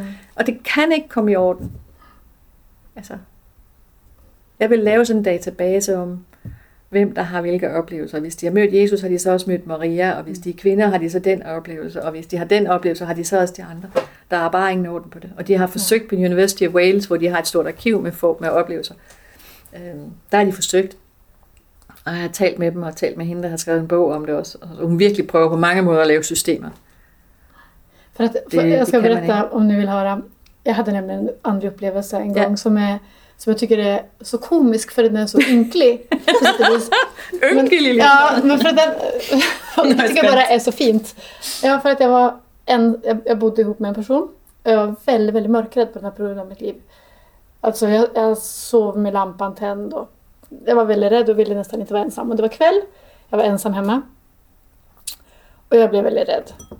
Och så ville jag... Visste att jag ska hantera det här liksom... Ja, jag gick omkring där och tänkte att jag skulle göra- lösa det här. Mitt problem var att min CD-spelare Ja. hade gått sönder. Och jag brukar sätta på musik när jag var rädd, men den var trasig. Och jag hade gått till reparatör, de hade sagt att "Nej, men själva laserstrålen är skadad så vi, vi kan inte göra någonting, du måste köpa en ny. Men jag hade inte hunnit köpa en ny. Så jag är ensam hemma där och så är jag väldigt rädd. Och så hör jag en röst som säger sätt på musik. Mm-hmm. Och så är jag så här, ja men den tanken kan man ju ha men jag har ingen CD-spelare. Ja, det er fint, du snakker. Ja, Ja, precis. bare. Ja. Och så hör jag bara en gång till, sätt på musik. Jag bara... Nu, nu, nu är mitt huvud liksom irrationellt. Och så hör jag en tredje gång, gör det nu. Och ganska strängt. Ja. Så jag går och hämtar en CD-spelare. CD-spelaren står fortfarande kvar, jag har inte hunnit kasta bort den. Jag stoppar in den och den fungerar. Så jag har musik på. Jag blir väldigt glad men förvirrad och lite så det, det är liksom lite humoristiskt alltihopa. Jag lyssnar på musiken och sen går bort jag i den känslan. Nästa dag fungerar den inte igen. Men den kvällen jag var rädd fungerar CD-spelaren. Och det är en sån här, Det er da den här rösten är ju inte min, det är jag helt säker på. Men det är också så här, om man nu ska ha en andlig upplevelse så... Jeg synes, det er helt vildt smukt. Det er Ja, helt det det. fantastisk. Ja, og så konkret og spesifikt. Jamen, så konkret altså. Ja, eller hur? Synes, det är- vanvittigt smukt. Ja, visst är det det? Alltså jag har haft andra upplevelser, som just den där lilla saken som är så enkel. Att den säger någonting om ja, den större verkligheten som inte nödvändigtvis behöver vara. Men, nej, gå men, og men, men i det fortæller jo også det der med, som jeg synes var det største chok, nemlig at Gud ved, jeg er til. Ja, Og det synes jeg ikke virkelig, virkelig, det er jo mirakuløst. ja, Og hvordan skal han holde kold på alle os? Altså, det er jo fuldstændig vanvittigt. Men det gør han jo. Altså, det er jo det, der, der er nogle... Altså, Gud er bare så stor. Altså, der, der er noget her, som det, som det er ovenikøbet nærmest er svært at formulere, ikke? ja, Men der er så mange... ja. Vi får så mange tegn på det her, at, at, at i hvert fald med min hjerne, så er det svært at, at, at, at ikke bare at hvile i det. Altså, når jeg også selv har oplevet det, ikke? Men jeg forstår godt dem, der ikke kan tænke sig til det. Altså, forstår godt dem, der ikke har haft Mm. de oplevelser, de synes, det er svært. Men, men at der er ikke nogen tvivl om, at der er meget humor i.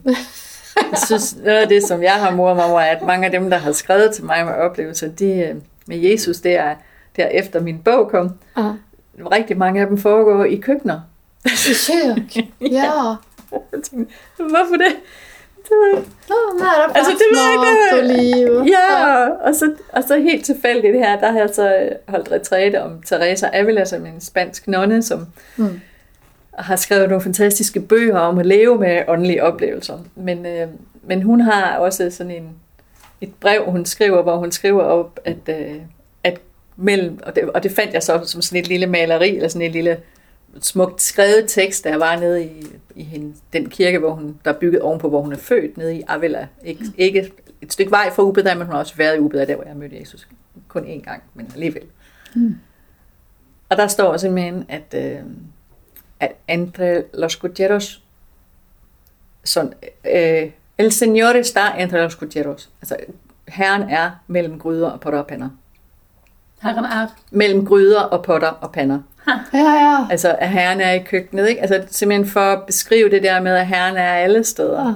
Og derfor er han selvfølgelig også der, hvor vi er mest, og det er jo i køkkenet. Det er bare meget sødt. Mm.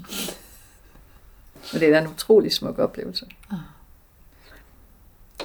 altså det, at, at min familie var så gode ved mig, og har været, har været anderledes, end det er for mange andre, der har oplevelser. Mm. Og det har været helt, helt afgørende for, at jeg kan leve godt med dem. Mm.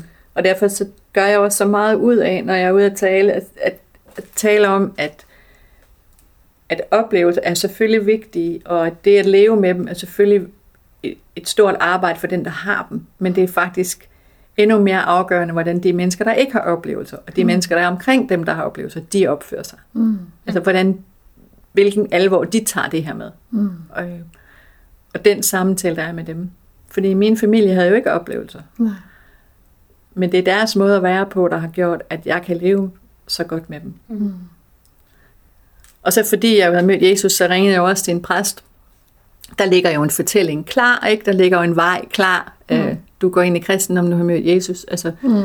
Det er jo ikke alle, der har det. Men, men når man har de her tableauoplevelser, så, så ligger der jo, også hvis det er Maria, eller hvis det er i andre lande, så har man, eller andre kulturer, så har man andre oplevelser. De indianske religioner har jo med ørne og andre ting, så de leder ind i den vej. Ikke? Mm. Ja.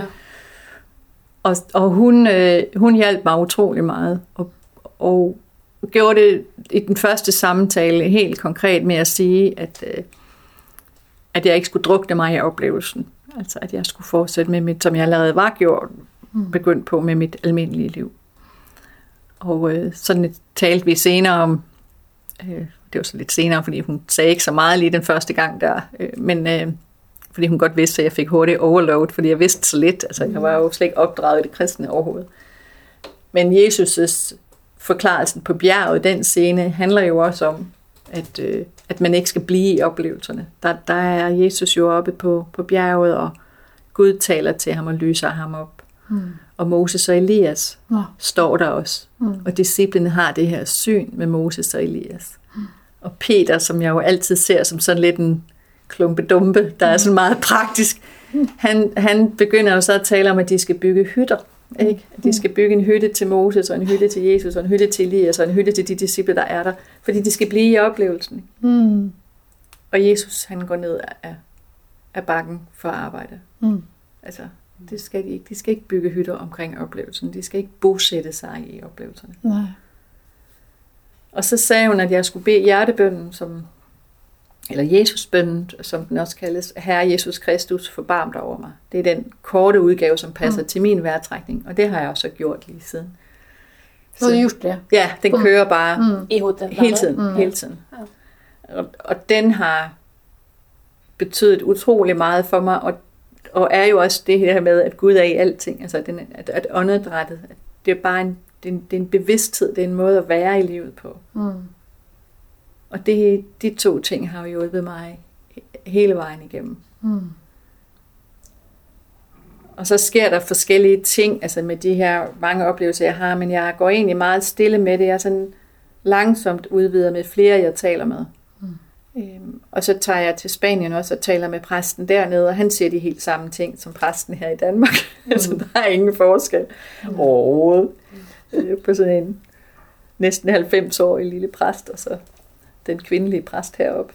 Mm. Og, så, og så møder jeg Jesus igen på et tidspunkt, og hvor jeg øh, er ved at blive frustreret, fordi vi jo taler så lidt om oplevelser i Danmark og Norge og Sverige, så vi, der ligger ikke sådan en vejledning klar i, sådan kan man leve med oplevelserne. Mm.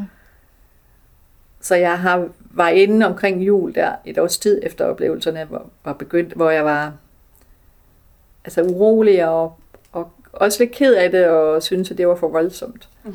Men så viser Jesus sig igen for mig, og jeg har ikke, på det tidspunkt var jeg træt af oplevelsen, jeg synes, det var for mange, de kom for hurtigt, øh, jeg kunne ikke ligesom nå at falde til ro, og, og synes, det var for mange ting at tage stilling til hele tiden. Mm. Så øh, da Jesus så viser sig for mig igen, øh, og lige sådan, der, der er faktisk lidt vred på ham, og spørger ham så, og i bogen skriver jeg bare spørg, men jeg råbte sådan mentalt, altså indeni, jeg siger ikke noget højt, men altså forsøger at kommunikere til ham, sådan, hvad skal jeg gøre? Sådan lidt, ja. Og så smiler han bare til mig på samme måde som, som året før, eller som de der timer, jeg ja, året før det. Og så lægger han på dansk ind i mit hoved, ligesom første gang, øh, en sætning, som så hedder, jeg stoler på dig. Jeg stoler på dig. Og det ligger bare på dansk ind i mit hoved, og jeg ligger på dig. Mm. Og, øh, og der bliver jeg endnu mere påvirket end ved det første møde, fordi jeg jo ligesom ved, hvor stort det er. Altså, at han, altså jeg, nu ved jeg, hvor voldsomt det påvirker mig, fordi der har jo stået i det et år, ikke? og nu kommer han så igen. Men samtidig bliver jeg jo også øh, endnu mere opgivende, ikke? fordi han ligesom lægger det tilbage til mig. Jeg bad ham om en manual, ikke? Mm. altså, hallo, fortæl mig så, hvad jeg skal gøre. Ikke? Mm. Og så ligesom, at han kaster det tilbage til mig. Samtidig med, at det er jo en tillidserklæring, så er det også, det er der, der skal gøre arbejdet. Ikke? Mm. Mm. Og, og, og det er derfra, det så begynder med mit, mit arbejde. Så stiller de fysiske symptomer af, øh, og antallet af oplevelser stiller af. Og i løbet af det forår, der begynder jeg så at, at virkelig at, at tænke over, jamen, hvem er det så, jeg er? Hvordan kan jeg leve med de her oplevelser? Hvordan kan jeg gøre godt med dem? Men hvis han stoler på mig, så er det jo mig, der skal gøre det. Om jeg er journalist, jamen, så må jeg jo skrive, og så begynder jeg at skrive. Og begynder at skrive en bog som journalist. Det vil sige, at jeg går ud uden for mig selv og kigger ind på mig selv og skriver, nærmest som om jeg interviewer mig selv, eller laver reportage og spørger alle mulige kilder. Og, øh, og så er der den er der en masse forlag, der siger nej til den. Fordi at åndelige oplevelser kan man ikke tale om. Åndelige oplevelser er der ikke nogen, der vil læse om. Øh, mm. De kristne forlag siger, det er ikke kristent nok. Øh, mm. øh, det er ikke, og så videre, og så videre. Mm. Men så, bliver den, så udkommer den på et, et forlag, som hedder Informationsforlag, som er sådan et venstreorienteret forlag, som er jo egentlig er den baggrund, jeg kommer fra. Mm. Og, og bliver jo en stor succes og giver en anledning til en masse samtaler også i Norge, og og så er det, folk skriver, og jeg finder ud af, hvor mange der har oplevet. Og så laver jeg så en mere, som også er en journalistisk bog om baggrund for oplevelser og de forskellige teorier og mm. forskellige udlægninger, og taler med forskellige, der har oplevelser. Og det er jo en enorm gave at have fået lov at tale med folk, ligesom I også gør. Mm. Altså. Fordi man bliver så forbløffet. Altså. Mm. Men det holder jo aldrig op. Altså det er jo ikke altså oplevelsen forsvinder jo ikke ud af en, og, og det tror jeg også er noget af det, som jeg har oplevet ved at tale så mange af dem, der har oplevelser, at, at, at det er jo på den lange bane, man lever med dem, ikke? Altså, men der, der er sådan en ekstatisk periode, også lige efter, og så sådan totalt lidt kaotisk. Mm. Men, men, men betydningen bliver ikke mindre, altså. Mm. Og, og jeg oplever også, at både jeg og også mange andre kan huske de der oplevelser meget klart. Selvom man glemmer alt muligt andet, mm. så kan man huske dem. Og noget af det, som altså det senere tid har tænkt meget over, det er, at jeg, jeg træffer jo et valg om at gå ind i den danske folkekirke, fordi det er sådan, at der, hvor jeg hører til, og tænker, hvis det er mig, der har de her oplevelser, så, så og den her kirke er den kirke, der er i min kultur, jamen så må jeg vel være velkommen der. Altså mm. sådan, mm. Jeg er jo ikke blevet en anden. Det er jo bare mig. Men noget af det, som jeg tror kan være svært for kirken, det er jo det her grundlæggende, at, at når vi kommer med oplevelser, så har vi jo et, et bånd til Gud, som er uafhængig af kirken. Hmm. Og det er også noget af det, som nu Teresa Avila, den spanske nonne, men også Johannes af Korset, som er en, en spansk munk, som faktisk døde i Jupiter lige ved siden af, hvor jeg havde mødt med Jesus. Så ham har jeg jo selvfølgelig læst rigtig meget. Han levede for 500 år siden og skrev nogle fantastiske digte, og som at være i mørket, som jeg også har haft stor, stor, stor glæde af. Men, men han beskriver også det her med den her direkte kontakt, og det, og det er jo klart, at, at for ham er det jo også sådan svært, ikke? fordi at at når man, når man går ind og er i et system, som man er, når man er i en kirke, så er det jo en del af kontakten. Så er det jo en fællesskabskontakt, mm. man er i med Gud. Men oplevelserne er jo en til en. Mm. Og hvordan får du de ting flettet sammen? Mm. Og der tror jeg, det er svært for kirken, fordi i grove træk, så er der jo ikke, så øh, kan kirken jo blive unødvendig umiddelbart, mm. kan man sige. Hvis folk bare går rundt og har den her gudskontakt, så behøver de jo ikke kirken til, til gudskontakten, fordi den har de jo bare selv. Mm. Men der tror jeg, og det er jo også derfor mange kirker har det svært med oplevelser. Mm. Men jeg har jo brug for kirken, jeg har jo brug for fællesskabet, og jeg har brug for ritualerne. Mm. Men der er mere i det end det, for man kan sige, så skulle kirken bare være sådan et rituelt sted. Altså, men, men der er mere i det end det, fordi man går også ind i et rum, hvor Gud også er sammen med andre. Hmm. Og det er noget andet end det her meget vertikale, som jeg kalder det. Altså der går du ud i noget horisontalt, hvor du fagner hinanden. Og det er jo det, som jeg oplever i mine møder, at, at at Gud gennem Jesus viser mig, at vi alle sammen er mennesker, vi alle sammen hører sammen. Mm. Så jeg synes, det er sådan lidt kunstig modsætning, man har lavet, når man ikke i kirkerne har ville tale ret meget om oplevelser. Mm. Fordi det, det er jo en virkelighed. Altså man regner jo med et eller andet sted mellem halvdelen og tre fjerdedel af os allerede har, altså hvis du bare spørger folk nu og her. Og måske kan det være sådan, så hvis man spørger folk og venter med at spørge dem alle sammen til lige før vi dør, så når vi alle sammen at få en. Så det er jo en del af vores virkelighed, at vi enten selv har, eller en af vores nærmeste har. Så det skulle også være en del af kirkernes virkelighed. Och det är det inte helt så meget endnu. Ja, för jag skulle säga, vi kommer ju från frikyrkliga ja. familjer. Jag, skulle, jag antar att en del av problemet för folkkyrkan, eller statskyrkan i Sverige, så, är att det har varit en del destruktiva historier mm. av ö, andlighet. Ja, missbruk, ja, missbruk av det kan man säga. I, i olika grupp, kristna ja. grupper som Helt man vill ta avstånd från. Eller vad, vad tror du? Ja. Jamen, der er gode nok forklaringer på det, ja. men, men, men, men dem, og dem kan jeg også godt og, og, og, og kender godt til. Men det forandrer ikke virkeligheden. Nej, nej, nej. Altså virkeligheden er jo, at, at kirken bliver nødt til, alle kirker bliver nødt til, at så snart man går ind i trosfeltet, bliver man nødt til at tage folks oplevelser mm. seriøst. Mm. Ligesom man også bliver nødt til at respektere, at de har haft dem. Altså. Og det er, øh, det er svært. Mm. Også fordi, at vi støder jo ind i misundelsen, altså for eksempel, ikke? vi støder ind i, at nogen for eksempel siger, om øh, også flere presser, der har sagt til mig, at jeg laver A- og B-hold, ikke? At, at A-hold er dem, der har haft møder med Gud, og B-hold er dem, der ikke har, så siger, det har jeg altså ikke talt om, og det er slet ikke det, mine oplevelser fortæller mig. Tværtimod fortæller det noget andet. Men, men det ligger så dybt i rigtig mange, også i kirkelige miljøer. Ikke? Mm øh, at vi vil have orden på det. Og så, hvis vi så siger, at vi også vil have orden på oplevelser, og det er jo det, som man vil i karismatiske kreds, der skal der jo være orden på oplevelserne. Ikke? Der er jo en rangorden på oplevelserne. Der er jo nogle oplevelser, som... Altså, det er fint at have tungetale, ikke? Og i andre, der må man slet ikke have tungetale. Så, jamen, man bestemmer jo ikke selv, vel? Altså, ligesom det, der er pointen her, ikke? Det er, at vi bliver mindet om, at vi ikke bestemmer selv. Ja. Ja. Hmm. Hmm. Du ser tænksom ud. Jeg har så mange spørsmål, så vi kommer ikke til å rekke Kjør i gang! Men jeg tenker det ene jeg, Det er flere ting jeg tenker. Det ene er at det som du snakker om kjærlighet. Mm. Det å virkelig ha tillit til at jeg kan være elska. Mm. Og også at andre folk jeg møter, kan ha tillit til at de er elska. Mm. Og at jeg kan elske de. At jeg har kjærlighetsevne. Altså, jeg, jeg opplever i, det, i hvert fall den hverdagen jeg er, at det er så mye mistillit i relasjoner. Mm. At det er vanskelig for folk å ta inn at kjærlighet fins. Ja. Skal vi begynne der? Altså, jeg synes, det er meget for langt, at vi skal elske alle.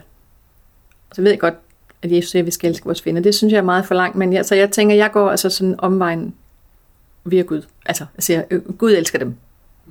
Altså, mm. og, det, og det er jo en enorm lettelse for mig. Mm. Øh, fordi jeg, jeg kan ikke altid strække det til det. Men den der øh, tillid mellem mennesker, den der tillid til, at vi elsker, det at der findes så meget kærlighed, den, den gjorde jo også, at jeg måtte lægge meget af mit liv om. Jeg sagde jo op som leder. Jeg kunne ikke indgå i de der hierarkier. Jeg gider dem ikke. Jeg gider ikke det der magtspil. Altså, og dem har jeg jo mødt på flere arbejdspladser siden, at jeg, jeg kan ikke holde det ud. Nej. Jeg synes, det er latterligt, og, og det er pinligt at bruge tid på. Mm. Øh, og jeg har da været meget rystet over, fordi alle de kirkelige miljøer er jo nye for mig. Altså, jeg har slet ikke været i de der miljøer. Mm. Ligegyldigt hvad for et, der er kommet ind, så eksisterer det der. Jeg tænker så, hold dog op. Mm. Stop det dog. Altså, det virker pinligt, synes jeg. Mm. Og det virker øh, utroværdigt, at man, øh, at, at man, hvis man er kristen, øh, og virkelig mener at stå inde for, at Gud elsker os alle sammen, så skal man altså opføre sig ordentligt. Mm. Og så skal man ikke lave de her magtspil, som er så udbredte. Mm. Fordi de bunder i mistillid, ikke? Men de bunder også i det med misundelse. Så de bunder med den her, der er ikke nok kærlighed til os alle sammen. Ikke sant? Ja, det bunder de jo i. Mm. Okay, hvis ikke du mener det, så, mener, så tror du faktisk ikke på Gud. Ikke? Og nogle gange er jeg lige ved at sige det til folk. Mm. Ikke? Men jeg holder min kæft, fordi det, det er også hårdt at sige, ikke? Men, men det er jo manglende tillid til Gud. Altså, og det er virkelig, virkelig hårdt at sige. Øh, og jeg kan godt forstå, at folk ikke har... Jeg havde jo aldrig tænkt over det før, at jeg havde mine oplevelser. Men hvis man arbejder i det kirkelige miljø, øh, og, og arbejder med, med, med kristendom, så har man jo tænkt over det. Så har man jo hørt det. Så har man jo ingen undskyldning for ikke at tage skridtet og have tillid. Mm. Men hvad vil det sige... Jeg vet jo at du har oplevet en stor tragedie i livet. Du mm. sønnen din. Ja. Så sånn, hva vil det si at tillit til Gud? Men det er jo, at han har det godt der, hvor han er. Mm. Altså, det ved jeg jo. Mm. Men det betyder da ikke, at jeg ikke er ked af det. Mm. Altså, jeg mistede min yngste søn døde lige før bogen udkom. Drog lite före. At den første bog kom. Just det. Så det er, det er da en afsindig stor smerte. Men der, og så er der nogen, der kan sige til mig, jamen det er godt, at du er troende, for så er det nok ikke så slemt. Åh, oh, okay. Mm. Og så siger jeg til dem, og så bliver jeg lidt hård. Det kan jeg ikke vide, fordi jeg har ikke prøvet at miste en søn før, så jeg ved ikke, om det er lettere eller sværere nu. Mm. Men, men jeg synes, det er sådan nogle absurde spørgsmål, jeg får indimellem. Altså, det gør jeg. Og der må jeg jo bare nogle gange sige, okay, det er godt, at Gud elsker dem. Mm. Altså, fordi jeg kan heller ikke... Altså, jeg kan ikke forlange det guddommelige af mig selv. Altså, det kan jeg simpelthen ikke. Mm. Men det er en... Øh... Altså, ordet mistillid, som du lige bragte op, det er rigtig vigtigt her. Det er det. Fordi det, det skaber så meget ondt, altså. Og, og, og, og mistillid er jo det her med, at man ikke tror på, at Gud elsker os alle sammen. At man ikke, altså man, at man ikke tror, der er kærlighed nok. Det er den her matematiske tænkning, som jeg kalder det, ikke? Altså, at skulle Gud sidde der med en regneark og sige, at hun er så god, så får hun så meget kærlighed, og han er så god, så får han så meget kærlighed. Og ho, så er der ikke nok til ham, så han er en fri, fordi han er en idiot. Men sådan er det jo ikke. Men det er en helt anden måde at, at gå ind i livet på. Men jeg gør det jo ikke perfekt. Og jeg ved heller ikke, hvor det skulle komme fra, at fordi man er kristen, så skulle man være mere perfekt, og være mere sød, og være mere god, og være mere næstekærlig og alt muligt. Altså tværtimod kan det, jo virke, kan det jo være hårdere at være det, fordi man er bevidst om, hvor uperfekt man er, ikke? og hvor langt man er fra at være det vidunderlige menneske, som vi forhåbentlig et eller andet sted alle sammen gerne vil være. Jeg kan jo kjenne nogle gange, at jeg burde være mere tilfreds i mitt eget liv, fordi Gud er glad i meg. Mhm. Jeg burde ikke Ja. Lengte etter andre mennesker, eksempel, Nej. eller vil bli sett, eller... Ja. Eller være, ja, eller være misundelig eller noget, det burde du ikke. Alle Ja. de der ting, ja. Og Det jeg synes også det er vanskelig å vite hva jeg skal ha tillit til. Hvis jeg lengter etter noe og ber Gud om det, kan jeg ha tillit til at jeg skal få det, eller at det, at det skal være godt at jeg ikke får det? Hvordan skal man liksom... Mm. Jeg beder jo aldrig om noget, så jeg kan ikke... øh, Du ber aldri om noe. Nej. Det kan jeg ikke. Jeg kan, det kan jeg ikke finde ud af. Jeg kan sige tak, men jeg kan ikke... Og det, og det er jo noget, som jeg sådan har begyndt at arbejde med at have dialog med Gud. Det har jeg ikke haft. Jeg, jeg har bare den her grundlæggende tillid til, at han elsker mig, men jeg går ikke ind og tager stilling til, om det, jeg får af Gud, er godt eller ej.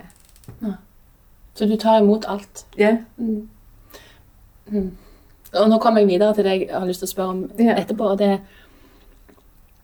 så at i, I kristne karismatiske kretser så er man veldig opptatt av liksom, å være fylt av Den hellige ånd hele Ja. tiden. Så at man tar det tunge, og man liksom går rundt i en slags følelse av Guds nærvær hele Ja. veien. Som man også kan kanskje jobbe seg inn i. Hvordan lever du med det? Har Jamen, du- jeg synes, han er der hele tiden. Ja. Men, men og, og det, øh, altså, i det meste af tiden, så står Jesus lige bag ved mig, sådan rent fysisk. Mm. Mm. Ja. Og, øh, og der er også nogle, altså faktisk en del gange, at, at nogen er kommet hen til mig og sagt, at de har set ham. Og også, at de også har set min søn. Øh, det har, jeg har, ja, og jeg, jeg, har ikke, jeg, har ikke, jeg kan ikke se dem, men jeg kan mærke dem. Og, øh, og det er forskelligt, hvor tydeligt det er. Men hvis, når jeg siger det nu, så er det helt tydeligt. Altså Mm. så er det... øh, Og, og det, er, øh, det er meget voldsomt, og indimellem er det jo meget svært at sige til folk, ikke? fordi øh, så må jeg da virkelig være skør, ikke? Når jeg kan have det sådan. Men det er meget konkret. Øhm, jeg har jo haft sådan en rækkefølge, kan man sige, at først har jeg jo forholdt mig til Jesus sådan meget konkret, ikke? Og så på et tidspunkt, så var det som om, at Gud han sagde, Hallo, jeg er her også. Hallo, stop så. Kig på mig. øhm, og det var sådan en helt vild morsom oplevelse, fordi at jeg havde fordi jeg er så konkret, så derfor, at møderne med Jesus var jo også det, jeg var mere optaget af end lysoplevelsen egentlig, ikke? Paulusoplevelsen, fordi det, det ved jeg da, hvad er. Sådan en menneske, der står foran mig, det kan jeg da finde ud af, ikke? Og derfor tænker jeg også, at det er sådan, nu er jeg jo kommunikationsmenneske, så kommunikationsstrategisk er det jo klogt at gå ud og sende Jesus herned, fordi det kan vi da fat, ikke også? Det kan vi da forstå, det er ikke sådan, og jeg er ikke sådan sfærisk, og det er jo heller ikke i mit sprog, altså jeg, jeg er meget konkret, så for, for mig er det Jesus meget konkret, og så, og så måtte jeg jo på et tidspunkt pludselig interessere mig for Gud, øh, og skrev også den her Gud, du er jo lige her, som, som handler meget om det sådan et gudsnærvær, som er lidt mere udefinerbart, end at mærke Jesus, der står bag ved mig. Og så øh, har jeg jo så arbejdet mere med Helligånden nu her, og, og, den, øh, og det har jeg oplevet på den måde, at, at, øh, at når jeg er ude og holde foredrag, for eksempel, øh, så oplever jeg helt klart, at der er en tilstedeværelse, som ikke er Gud eller Jesus, som er Helligånden, og det oplever det så fysisk nogle gange, så det er helt vanvittigt. Hvordan da? Jamen det er simpelthen, øh, for eksempel så hører alle folk, hvad alle siger. Och så har du, Alle hører, hvad alle siger. alla hör vad alla säger. Ja. Ja. Og der er en følelse af tillid og, og åbenhed, som jeg ikke har oplevet i nogen som helst andre kontekster. Aldrig. Og jeg har jo siddet til rigtig mange møder. Jeg oplever også, at, øh, at der er en... Øh, at folk taler bedre. Altså, de lytter, og de taler bedre, end de ellers ville have gjort. Jeg, jeg, når jeg skal holde foredrag, for eksempel, så har jeg jo heller ikke skrevet manuskript. Men jeg ved, at jeg kan tale. Jeg kan også få at vide, hvor lang tid jeg skal tale, og så kan jeg tale sådan i det antal minutter. Der er et eller andet på spil, som ikke er mig. Mm. Altså, Kan du... og, Ja, fortsæt. jamen, jeg kan mærke det. Og jeg kan også mærke, hvis ikke det er hvis ikke han er der. Jeg kalder ham også han. Mm. Øhm, men det kan jeg også godt mærke. Hvad gør du da? Jamen, det kan jeg ikke gøre noget ved. Vet du hvad som at det? Altså, jeg oplever, at hvis jeg ikke er nok til stede, hvis jeg, hvis jeg, hvis jeg ikke selv giver slip, så, så, er, så er han der heller ikke. Mm. Og så kan man jo sige, når det er så i virkeligheden mig, der gør det. Det kan godt være, men det er ikke sådan, det opleves for mig. Mm. Altså, men vi, vi, vi har jo også vores eget nærvær. Og det er klart, at mit eget nærvær kan også ses af andre. Altså, mm. Så nogen vil mm. sige, det det var fordi Charlotte var så nærværende, at det blev sådan en aften. Ikke? Og hvor jeg oplever, sådan, altså sådan opleves det ikke helt for mig. Det opleves som om, der er en anden tilstedeværelse. Ja, for dette vet Men jeg, men jeg har aldrig talt tungetal og alt det der. Jeg har ikke den der. Jeg har ikke oplevelsen af, at Helligånden fylder mig. Jeg har oplevelsen af, at Helligånden er til stede Mm. og fylder os og favner os. Mere sådan lægger sig over os, Mm. når vi er sammen.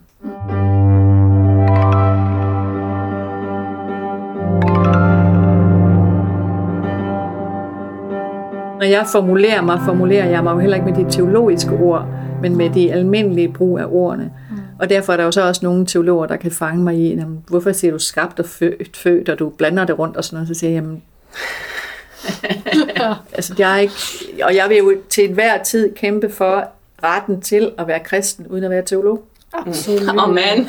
Jo, jo, men det er faktisk ikke helt nemt. Nej. Men, Slet menar, ikke, når man åbner munden og taler om det, vel? Øh, men samtidigt så har vi ett problem, i, eller problem, har vi en situation med att mängden kristna i Skandinavien minskar drastiskt. Och en stor anledning till det är ju för att människor som inte är uppvuxen i en kristen miljö kan inte relatera till den typen av språk. Nej, Så, men det er jo klart. Altså, de, de Så kender klart. det jo ikke. Nej. Så tack och lov för, Så, sådana så, som vi ja, ja, og det, det, vi, og det gør I jo også, altså man må blive ved med det, fordi det, det, det ville jo være en fattig verden, hvis man skulle have en akademikergrad for at være troende, ikke? Altså, det, det er jo Men, helt... men jeg har flere spørsmål. Fordi sant, eh, hvis man har en, en opplevelse av å se noe, hvordan kan man vite at det er noe godt man ser, og ikke noe ondt man ser? Man, Det er jo kærligheden. Den, altså, Mm. Det, der jo er så vanvittigt med oplevelser, er jo i virkeligheden, at, at det, der findes sorte oplevelser, men dem har jeg ikke for, researchet ret meget i, og der er tabuet, det er jo endnu større omkring dem. Mm. Men, men omkring de andre oplevelser, der, der er, som man kan kalde lyse oplevelser, altså, der, der er der jo det forunderlige, at når, når oplevelsen er forbi, så ligger der jo noget tilbage, mm. altså Udover det, man har oplevet, altså det der, der er sket, Mm. så ligger der jo noget tilbage, og det er jo den her kærlighed. Altså det er jo følelsen af både, at man er elsket, men også, at man kan elske. Altså sådan det her overstrømmende, vilde, store mængde af kærlighed. Altså, øhm, og det er jo uanset, hvem der er, der har oplevelserne. så ligger det der jo. Mm. Altså, så ligger den der, den der kærlighed der, og det, det er jo det er, jo, det er jo der, vi skal kigge, hvor jeg tænker, det er, jo der, det er jo også derfor, vi skal tale om oplevelserne. Vi skal jo ikke bare tale om dem, fordi det er sjovt og interessant. Det er det jo også. Men fordi, at hvis vi, kan, hvis vi kan få åbnet for den der kærlighedsfølelse, så får vi mere tillid i vores samfund. Mm. Altså det er jo sådan det, jeg øh, synes må være grunden til, at vi skal tale om det. Det, det er ikke afgørende for mig, om folk de tror på mig, eller om, eller om de er kristne eller ikke er det. Det er ikke afgørende. Det er ikke, det er ikke min business, som jeg nogle gange siger. Det, det afgørende for mig er, at vi kan tale ordentligt om det. Mm, og, og så, må, så må det arbejde i, hvad folk tror på, det må de selv gøre. Ja. Jeg kan jo alligevel ikke gøre det for dem. Så hvis de skal, hvis de skal tro på Jesus, så, så, øh, så er det noget, de selv skal arbejde med. Altså jeg kan ikke, jeg kan ikke få dem til det. Nej. Og, og det er i øvrigt heller ikke noget, jeg skal gøre. Det er det ikke. Altså, og, og på den måde kan man sige, at jeg er meget lidt missionerende, men på den anden måde kan man sige, at det er da den bedste måde at vise tillid på, og tillid er jo det, Gud mener, at vi skal have til ham, så det er den bedste måde at være kristen på, tænker jeg, at man kan argumentere for. Det er at vise mennesker tillid, og vise Gud tillid til, at, øh, at det kan de selv gøre.